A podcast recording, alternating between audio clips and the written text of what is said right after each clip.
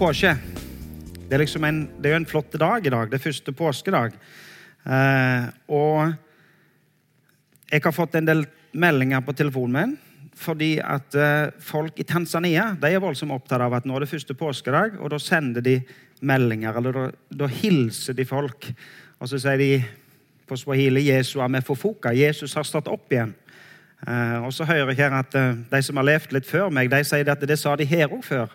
At Jesus er oppstanden, var det det? Og så sier svaret 'sannelig, han er oppstanden', eller noe sånt. Og den har de i Tanzania. De sier Jesu er med fofoka, og så er med fofoka kweli kweli. Han har stått opp eh, i sannhet. Men i alle fall, god påske til dere alle. Når jeg planla, eller skal jeg si, så på, på emnene for, for, denne våren, eh, så tenkte vi jo det at vi skulle ta den, den store fortellingen som vi har hatt, altså frelseshistorien. Begynne i Gamle testamentet. Eh, og vi begynte med Adam og har vært innom skal du si, Noah og Abraham og de, de, de store. Og så er vi kommet til Moses nå. Og det passet jo fantastisk flott at Moses og den første påsken som ble feirt noen gang uh, i Egypt, når israelsfolket gikk ut av Egypt, uh, den havna uh, på en måte litt tilfeldigvis, ikke helt tilfeldig, men litt tilfeldig på denne første påskedags søndagen. Så vi skal lese om den første påsken, om Moses og om Gud som gjør fri. Teksten står her i, i heftet deres. Der står 'Gud velsigner'. Det er rett og slett feil. Det er bare jeg som har glemt å redigere det vekk, for det var forrige gang. Men, men temaet er 'Gud gjør fri', sånn som Janne sa, om, om, å få lov å gå fri og få eh, fri hals. Eh, påske, det betyr å gå forbi. Om at Gud gikk forbi. Betyr å gå forbi. Eh, vi sang 'Alt som var meg imot, ble utslettet med blod'. Den første, påsken, eh, når israelsfolk gikk ut fra Egypt, så gikk Gud forbi fordi at han så blodet eh, av lammet som var slakta, av påskelammet. Vi skal lese teksten fra 2. Mosebok eh, kapittel 12, og vi leser fra vers 3. Si til hele Israels menighet på den tiende dagen i denne måneden skal hver husfar ta et lam, ett til hver husstand. Men hvis husstanden er for liten til å spise opp et lam, skal husfaren og den nærmeste naboen ta et sammen, alt etter hvor mange de er. Dere skal ikke regne flere på hvert lam enn at alle blir mette. Lammet må være et årsgammelt værlam uten feil. Dere kan ta enten et lam eller et kje. Dere skal ta vare på det til den 14. dagen i denne måneden, og i skumringen skal hele forsamlingen av Israels menighet slakte det. Så skal de ta noe av blodet og stryke det på de to dørstolpene og på bjelken over døren i de husene hvor de spiser det. Kjøttet skal de spise samme natt. Det skal være stekt over ilden, og de skal spise det med usyret brød og bitre urter. Dere må ikke spise det rått eller kokt i vann. Nei, det skal være stekt over ilden med hode, føtter og innvoller. Dere må ikke la noe bli igjen til morgenen etter. Er det noe igjen om morgenen, skal dere brenne det opp. Slik skal dere spise det, med kjortelen bundet opp om livet, sko på føttene og stav i hånden. Spis det i all hast. Det er påske for Herren. Den natten skal jeg gå gjennom Egypt og slå i hjel alle førstefødte i landet både mennesker og dyr, og jeg skal holde dom over alle gudene i Egypt. Jeg er Herren. Men blodet skal være det merket som viser hvilke hus dere er i. Når jeg ser blodet, vil jeg gå forbi.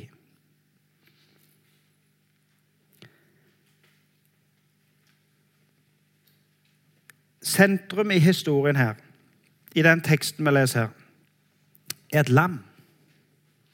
I vers 3 her så står det på den tiende dagen i denne måneden skal hver husfar ta et lam. Og Hvis du leser Bibelen fra farm til perm, så går nettopp lammet igjen. Du møter lammet om igjen og om igjen og om igjen. Det første dyret som vi leser om som ble ofra i første Mosebok 4, er et lam. Et førstefødt lam. Og i hele historien så har lam vært et viktig dyr for israelsfolket. Nå har de bodd i Egypt i 400 år. Og De har bodd i Egypt i 400 år fordi at eh, Josef tok slekta si med seg til Egypt. Eller, de kom til Egypt for, for, å, for, å, berge livet, rett og slett, for det var hungersnød i landet. Og Så kom de til Egypt, og så var det en velsignelse for dem i utgangspunktet å komme til Egypt. Og Josef berga folket sitt. Men nå har de vært i Egypt i 400 år, og situasjonen har endra seg dramatisk. Folkene er blitt gjort til slaver for, for egypterne, for farao. Eh, og nå lengter de etter å få lov å reise tilbake til landet sitt. Og så har de fortalt i 400 år om Abraham, om Isak og om Jakob. Og historien om hvordan Gud velte ut Abraham, og hvordan slektet ble ført videre eh, til Isak og Jakob. Og De kaller seg selv for Abraham, Isak og Jakobs barn. Men det er altså 400 år siden de kom eh, til Egypt. Abraham han fikk en sønn. Abraham ble gammel. Han fikk et løfte fra Gud om at han skulle få en sønn, men han ble gammel før han fikk sønnen. Og Abraham fikk sønnen Isak, som slektet og historien går gjennom. Når Abraham hadde fått Isak på sine gamle dager, så ber Gud Abraham om å ofre Isak, sønnen sin. Og det, det, det, er på en måte som om det henger jo ikke sammen, dette. Nå har du endelig gitt meg den sønnen som du har lovt meg, Gud, og så skal jeg ofre han. Og så fortelles historien om Abraham og Isak eh, og på en måte um, den, den, mest kjente historien eh, om, i, i, historien om Abraham er da når Abraham tar Isak med seg opp til fjellet. Og så er Abraham og Isak eh, på vei opp til fjellet. De har alt med seg. De har med seg ved, de har med seg ild, og de har med seg kniv. De har alt klart for å lage til et offer. Men så spør Isak, du pappa, du Abraham Vi har jo alt her nå. Vi har jo ved, og vi har kniv, og vi har ild, og vi har alt vi trenger. Men, men hvor er lammet? spør Isak. Hvor er lammet? Og så svarer Abraham, Gud vil sjøl sørge for et lam. Kan hende han svarte fordi han, han, han, han, orka ikke tanken på å måtte svare Isak og si at det er du som skal ofres. For det var jo det han gikk til fjellet for å gjøre. Men uansett om han svarte de frykt for å, for å skal du si, si noe som han ikke ville si, eller om han gjorde det at han så lenger fram. Men i alle fall så svarte Abraham at Gud vil sjøl sørge for et lam. Gud sørger for lammet. Og Så fortelles frelseshistorien i Gamle testamentet om lammet. Og ikke hva som helst lam. Men eh, i, i, vers 5 i teksten vår her så står det lammet må være et årsgammelt værlam uten feil. Du kunne liksom ikke bare ta hva som helst eh, og, og, og, prøve å ordne opp og ofre og, og, og, lage til. Nei, det skulle være et uskyldig eh, dyr. Det skal være et lam som var uten feil. Og det lammet skulle ofres. Det forsvarsløse, eh, uskyldige lammet skal ofres altså i, vers 6 her så står det i skumringen skal hele forsamlingen av Israels menighet slakte det. Slakte lammet. Et uskyldig, forsvarsløst, ynkelig lite dyr som må ofres i plassen for folket. Og Så går det igjen i hele Gamle testamentet at det må ofres et lam i stedet for. I stedet for folket, så må det ofres et lam.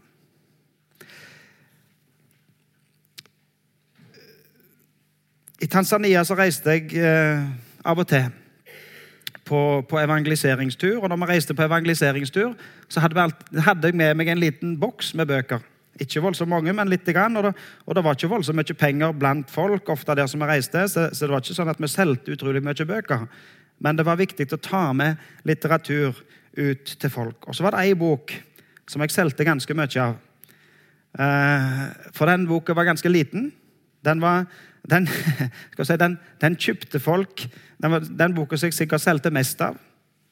Og Det var nok fordi at du var liten og overkommelig, bare 15-20 sider, og, og, ganske lettlest. Og så var utrolig billig og kosta 500 skilling, det er ca. to kroner.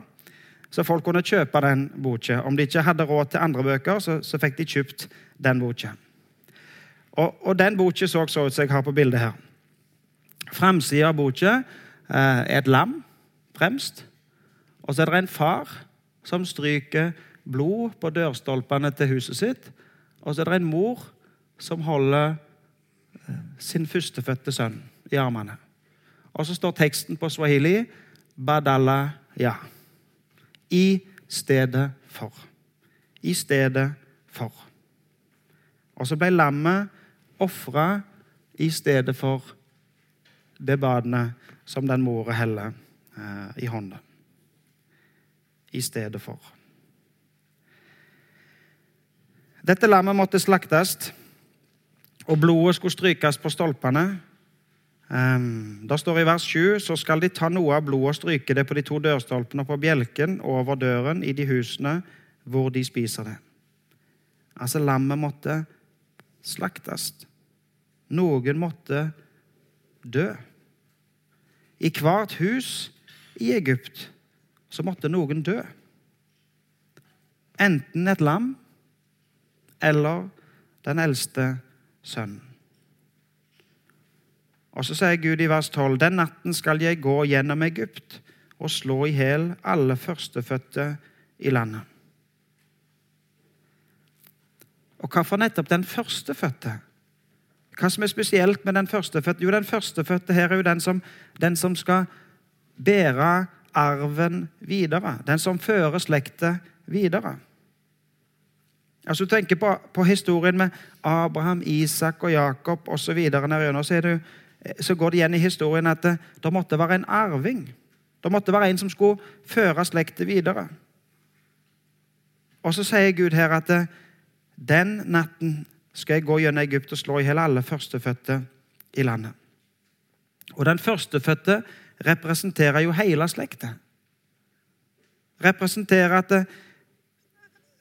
det, det, er arverekken som på en måte brytes eh, når, når, denne, når den førstefødte eh, slås i hjel. Men så sier Gud i vers 13.: Når jeg ser blodet, vil jeg gå forbi. Altså, der som et lam dør, der går sønnen fri. Der som et lam er slakta, og der som blodet er strøken på dørstolpene, de som sitter inne i det huset, der går sønnen fri. Der går den førstefødte fri.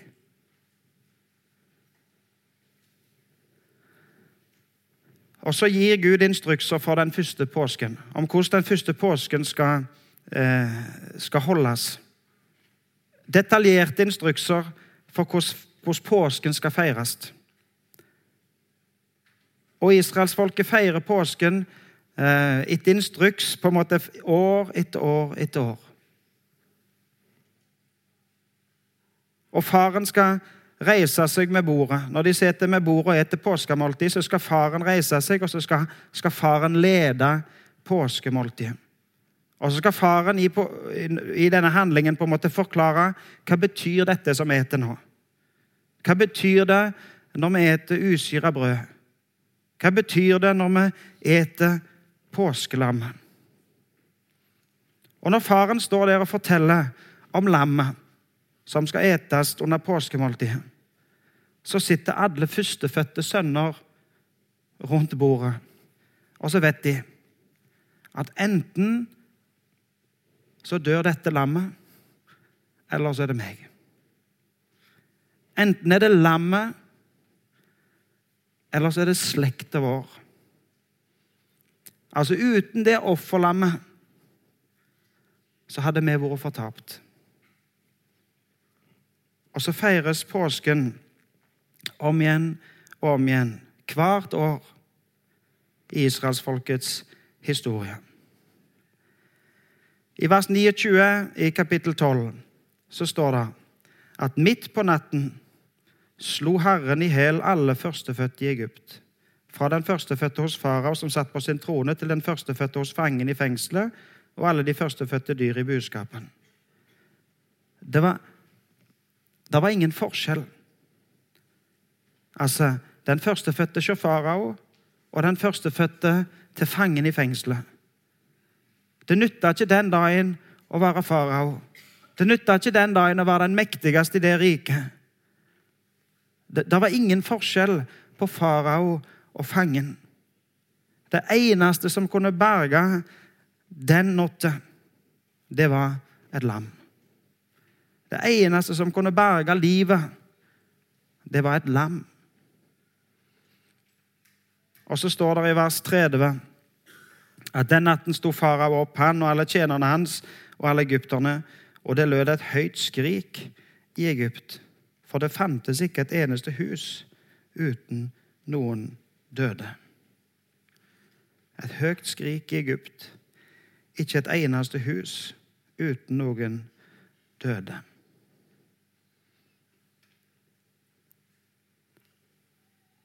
Og nå hadde farao fått nok.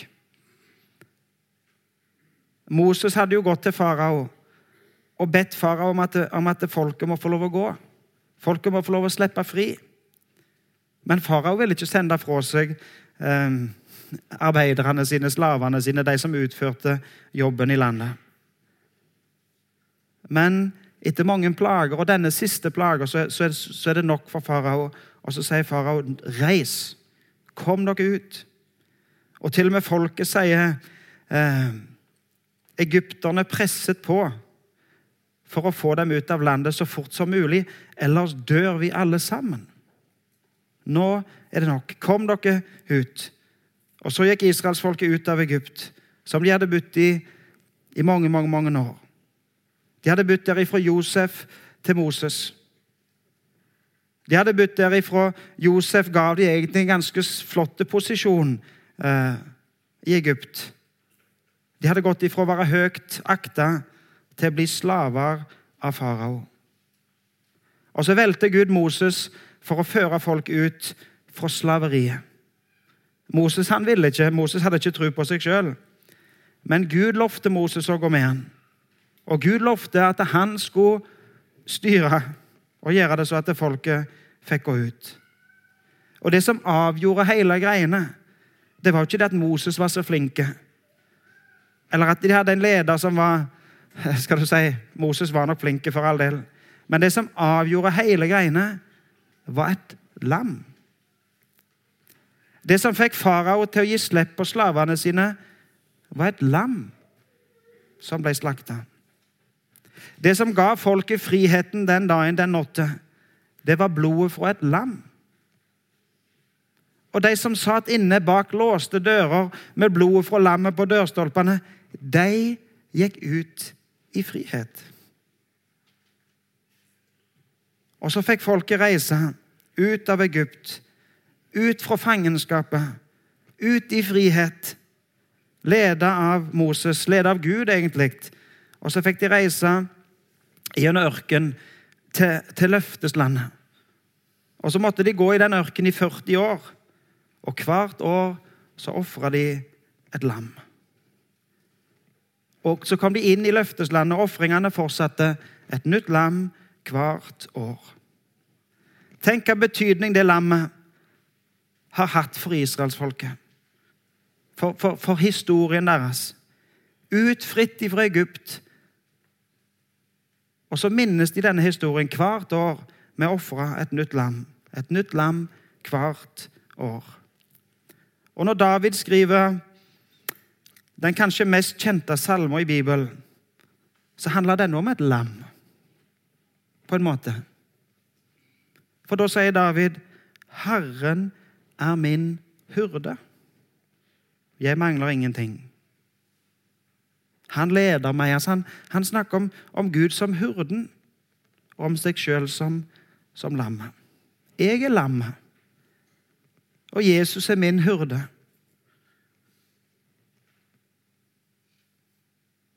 Når jeg var liten på søndagsskolen, så sang vi 'Jesu lille lam jeg er'.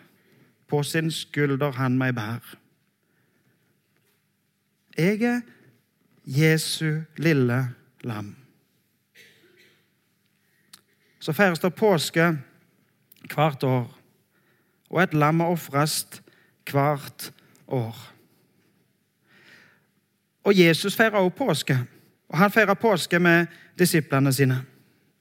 Og når Jesus, når Jesus skal ete påskemåltid med disiplene sine, eh, så reiser han seg, og så inntar han på en måte husfaren sin posisjon i påskemåltidet. Han skal nå lede måltidet. Han skal forklare måltidet og ingrediensene i måltidet. Og så sier han i Lukas 22, vers 15.: Jeg har lengtet inderlig etter å spise dette påskemåltidet med dere, før jeg skal lide. Og så, og, så, og, så, og så, vet jo disiplene hva som nå skal følge. De har jo feirt dette påskemåltidet år etter år etter år. etter år. Og så vet de hva Jesus nå skal gjøre. For nå står Jesus der som faren pleier å stå. Men så leder han måltidet på en måte som de ikke er vant til. For Jesus sier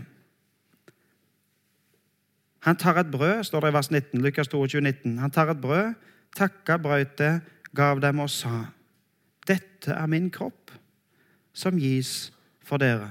Gjør dette til minne om meg. På samme måte tok han begeret etter måltidet og sa:" Dette begeret er den nye pakt i mitt blod, som blir utøst for dere. Og lammet som egentlig er sentrum i påskemåltidet, det blir Jesus sjøl. Jesus sjøl er det lammet som er sentrum i påskemåltidet. Jesus sjøl er det lammet som blir ofra istedenfor folket. Han gav sitt liv, han gav sin kropp, sitt blod, for at du skulle gå fri. Det var lammet og blodet fra lammet som frelste og som førte israelsfolket ut fra Egypt, ut fra fangenskapet, ut fra slaveriet. Og budskapet om lammet som gir sitt liv, er frihetsbudskapet ord til oss i dag. Du er fri, for Gud sørga for et lam. Gud sørga for et lam. Og så kan vi feire påske hvert år, men vi trenger ikke finne et nytt lam. For vi har allerede et lam. Et feilfritt, lyteløst lam. Og Jesus, som er vårt påskelam, han gav sitt liv én gang for alle. Og lammet Når de har slaktet et lam, så må de ha, må jo ha sett lite og uskyldig og spinkelt og ynkelig ut. Men det lammet som gav sitt liv for oss en gang for alle, det lammet, det seira. Jesus, han seira over døden. Døden kunne ikke holde på han, og han sto opp ifra graven, og han lever i dag. Og så feirer vi første påskedag. Og vårt påskelam er slakta. Og vårt påskelam har vunnet seier over død og grav og gitt oss håp om en evighet i lag med Gud. Det er påske. Vi får lov å feire påske fordi at Jesus ble ofra for oss. Han er vårt påskelam. Og Vi har fått lov å sitte litt inn i frelseshistorien denne våren. og fått begynt i, i, i første Mosebok 1 og er på en måte på vei utover ennå. Da vi bare kom til andre Mosebok 12. Men han som var ifra evighet, han som planla frelsen ifra evighet, han er i evighet. En gang i historien så greip han inn, og så døde han på et kors. Og så sto han opp ifra graven, og så lever han i dag. Men frelseshistorien, den store fortellingen som vi, har, som vi, har, som vi holder på med, den begynte i evighet og varer i evighet. Og når Johannes i Johannes' åpenbaring får se om hva som skulle skje lenger fram i tid, så får Johannes se et lam. Johannes ser at Gud på tronen han har en bokrull som er forsegla. Eh, og så er det ingen som kan åpne seglene. Og Så blir spørsmålet hvem kan bryte disse seglene? Hvem kan åpne denne boka? Og så får Johannes se et lam. I Johannes' åpenbaring 5 vers 2 så står det Hvem er verdig til å åpne boken og bryte seilene? Så står det videre i vers 4. Da gråt jeg sårt fordi ingen var funnet verdig til å åpne boken eller se den. Men en av de eldste sa til meg, gråt ikke, for løven av Judas stamme, Davids rotskudd, har seiret og kan åpne boken og de sju seilene. Løven av Judas stamme har seira. Ser du for deg det sterke, store løvedyret som har seira, og som kan åpne, som kan gjøre det ingen andre kunne. Og så står denne løva fram i vers 6. Og jeg så et lam som sto midt på tronen, mellom de fire skapningene og i kretsen av de eldste, og det så ut som lammet var slaktet. Lammet kom og tok imot bokrullen fra den høyre hånden til ham som satt på tronen. Og de sang en ny sang. Verdig er du til å ta imot boken og bryte seilene på den, for du ble slaktet. Og med ditt blod har du frikjøpt for Gud mennesker av alle stammer og tungemål, av alle folk og nasjoner. Det er vårt påskelam. Det er den det er løva som har seira. Men løva ser ikke ut som ei løve. Det har, det har krefter som ei løve. Ja, har, vårt påskelam er sterkere enn noe løve. Vårt påskelam har all makt i himmel og på jord. Og vårt påskelam seirer over døden. Men når det står fram, så ser vi et lam som er slakta for oss. Du ble slakta, og med ditt blod har du frikjøpt for Gud mennesker av alle stammer og tungemål, av alle folk og nasjoner. Og Så får Johannes se enda lenger inn. Og så så han en stor skare som ingen kunne telle. Johannes' åpenbaring 7 står det fra vers 9. Deretter så jeg en skare så stor at ingen kunne telle den, av alle nasjoner og stammer, folk og tungemål. De sto foran tronen og lammet kledd i hvite kapper med palmegreiner i hendene.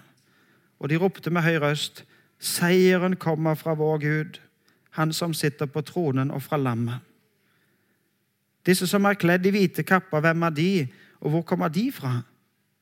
Dette er de som, er kommet, som kommer ut av den store trengsel, de som har vasket sine kapper og gjort dem hvite i lammets blod. De skal ikke lenger sulte eller tørste. Solen skal ikke falle på dem, og ingen brennende hete. For lammet, som står midt på tronen, skal være gjeter for dem og vise dem vei til kilder med livets vann. Og Gud skal tørke bort hver tåre fra deres øyne. Jesu lille lam, jeg er. Påske betyr å gå forbi.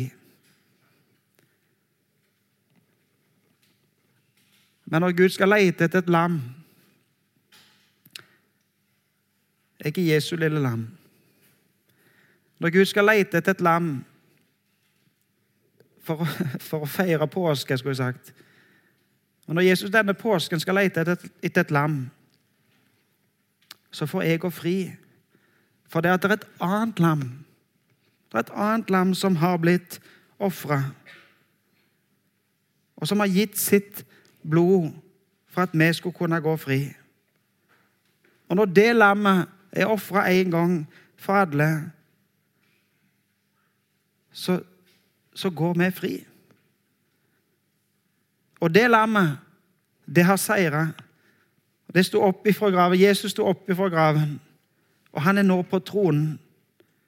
Og så ser du her i Johannes' oppmaring 7, vers 17. Lammet står på tronen og skal være gjeter for sine lam. Lammet som har seira. Jesus som har seira.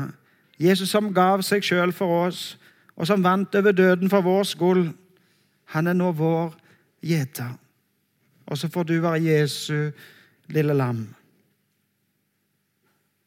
Og så leder han deg til kilder med livets vann. Tørker bort hver tåre fra deres øyne. Skal vi be. Kjære Jesus.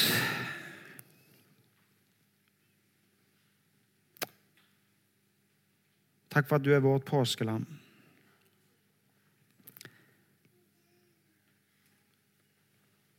Jesus, takk for at du gav livet ditt for oss. Takk for at vi får lov å, å ta imot. Takk for at du seier over døden. Og du sto opp igjen og vant seier for oss.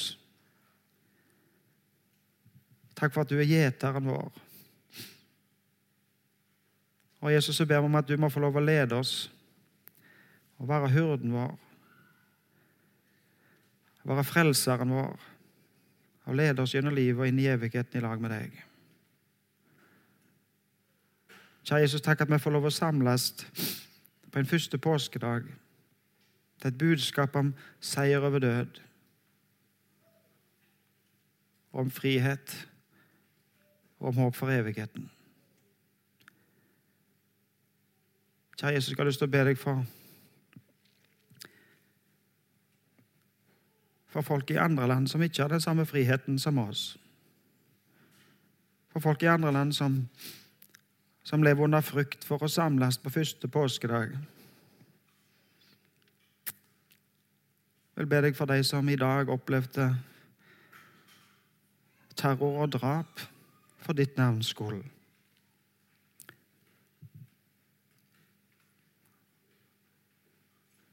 Kjære Jesus, må du gi, gi trøst, og må du gi oss Må du gi oss hjerter for for disse som, som lir for ditt navns skyld. Kjære Jesus, så ber jeg om at du må, må vise gjennom påskebudskapet at du er sterkere. At du er sterkere enn alt det vonde. Om at du har kjærlighet og fred og håp til alle som kommer til deg. Jesus, vi ber om at du må være med oss denne første påskedag og denne nye uka som vi begynner på. Må du være med oss og velsigne oss for ditt navns skyld. Amen.